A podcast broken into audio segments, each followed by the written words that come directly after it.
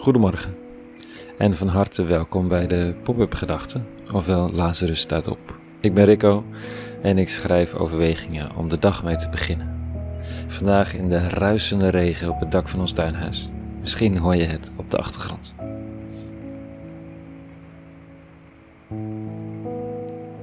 Vandaag zondig ik even hoor.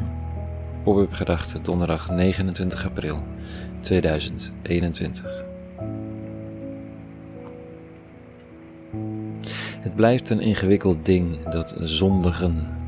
Niet het doen ervan per se, dat is uiteindelijk vrij eenvoudig, maar het woord. Wat het betekent, waar het voor staat, in welke context het wordt gebruikt. In de Bijbelse teksten is er geen enkele gêne nog aan te treffen voor het woord. In een beetje progressieve cirkels van geloof en spiritualiteit is zonde zelf de zonde geworden. Noem mensen niet zondig, want dat is pas zonde van de mens.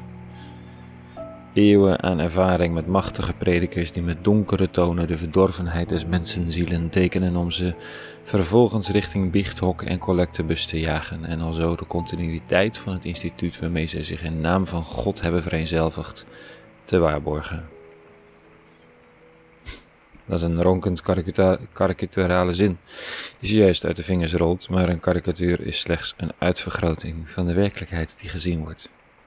Of beter, de werkelijkheid zoals die gezien wordt. Francis Spafford schreef een paar vrij briljante dingen over dat woordje zonde. Alweer jaren geleden hoor. Hij schreef dat de zonde bijna in ons taalgebruik altijd te maken heeft met plezier. In de reclame bijvoorbeeld. De ijsjes van Magnum, chocola, noem het maar op. En de vegetariër die op de barbecue zich heeft bezondigd aan een te lekker uitziend stukje wild. De ex-roker die even het sigaretje meerookt en zich weer even herinnert hoe lekker die handelingen waren, ook al smaakt daar ook goor.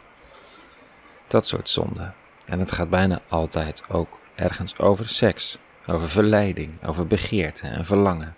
Dat zijn de tonen die meekomen en wie tegen zonde is, zo schrijft hij, wordt al snel gezien als degene die de mensen pleziertjes wil ontzeggen, straight edge hoog van de torennarigheid. Of die seks en verleidelijkheid op Christo-preutse wijze zich ver van het lijf wil houden. Waarbij de toeschouwer denkt, ja ja, maar ondertussen. Maar de tekst van vanochtend kan met de tekst van vanochtend kan de gelovige, Johannes, zomaar hoog van de toren blazen. Dit staat er. Ja, maar als wij zeggen dat wij geen zonde bedreven hebben, maken wij hem, God, tot een leugenaar. Dan woont zijn woord niet in ons. Zie je? Mens, luister, je bent zondig. Ga maar even een rap spijt hebben van al die pleziertjes en het verlangen. Francis Spufford kon het niet geloven en stelde iets anders voor. Iets machtigers.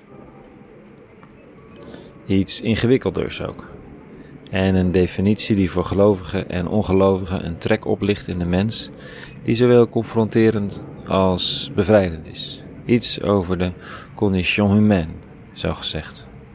Hij herdefinieert zonde als een menselijke neiging om het te verkloten. Of laten we er nog een woord aan toevoegen, schrijft hij de menselijke neiging om dingen te verkloten. The human propensity to fuck things up. Het is onze actieve neiging om dingen kapot te maken, zegt hij. Dingen betekent hier stemmingen, beloften, relaties waar we om geven en ons eigen welzijn en dat van anderen. Maar ook materiële voorwerpen waarvan het hoogglanzende oppervlak ons actief lijkt uit te nodigen om er een dikke kras op te zetten. Dit is niet de constatering van een cynicus of een zedepreker, zedeprediker. Het is het besef waar je mee wakker wordt als je ziet wat een mens met zijn verlangen en hoop en idealen teweeg brengt in de wereld de collateral damage van zoveel projecten en de actieve handeling soms tot wraak op jezelf of op een ander. Het stuk maken van het harmonieuze, want er moet toch meer zijn dan dat, of het verwaarlozen van dat wat aandacht behoeft, omdat je gewoon even geen zin hebt. En dan met de gebakken peren zitten. En dan schrijft Johannes aan degene die beseft hoe diep je kan zitten. Als wij beweren zonder zonde te zijn, bedriegen wij onszelf en woont de waarheid niet in ons. Als we onze zonde beleiden, is Hij zo getrouw en genadig dat Hij onze zonde vergeeft en ons reinigt van alle kwaad. Het zijn misschien niet de exacte woorden die ik zou zoeken in onze postchristelijke wereld, maar het verlangen eronder is voelbaar. Gereinigd worden, losgekoppeld worden, opnieuw beginnen. Die verwijtende stemmen in je hoofd en de cynische stemmen in je hart. Het zwijgen opleggen Niet omdat ze niet gelijk hebben, maar omdat je jezelf niet meer nog verder in de put hoeft te praten. Omdat er een eeuwige is die begrijpt, er een beetje om moet lachen, je heus wel kent en je vertrouwen geeft voor een nieuwe dag. Gewoon omdat hij of zij of het het wil en je gezien heeft. Daar zit ergens de bevrijdende variant van het inmiddels zo onhandige begrip zonde. Tot zover vanochtend. Een hele goede donderdag gewenst. Hier regent het nog steeds pijpenstelen, zoals je wellicht hebt kunnen horen. Desondanks vandaag vrede gewenst. En alle goeds.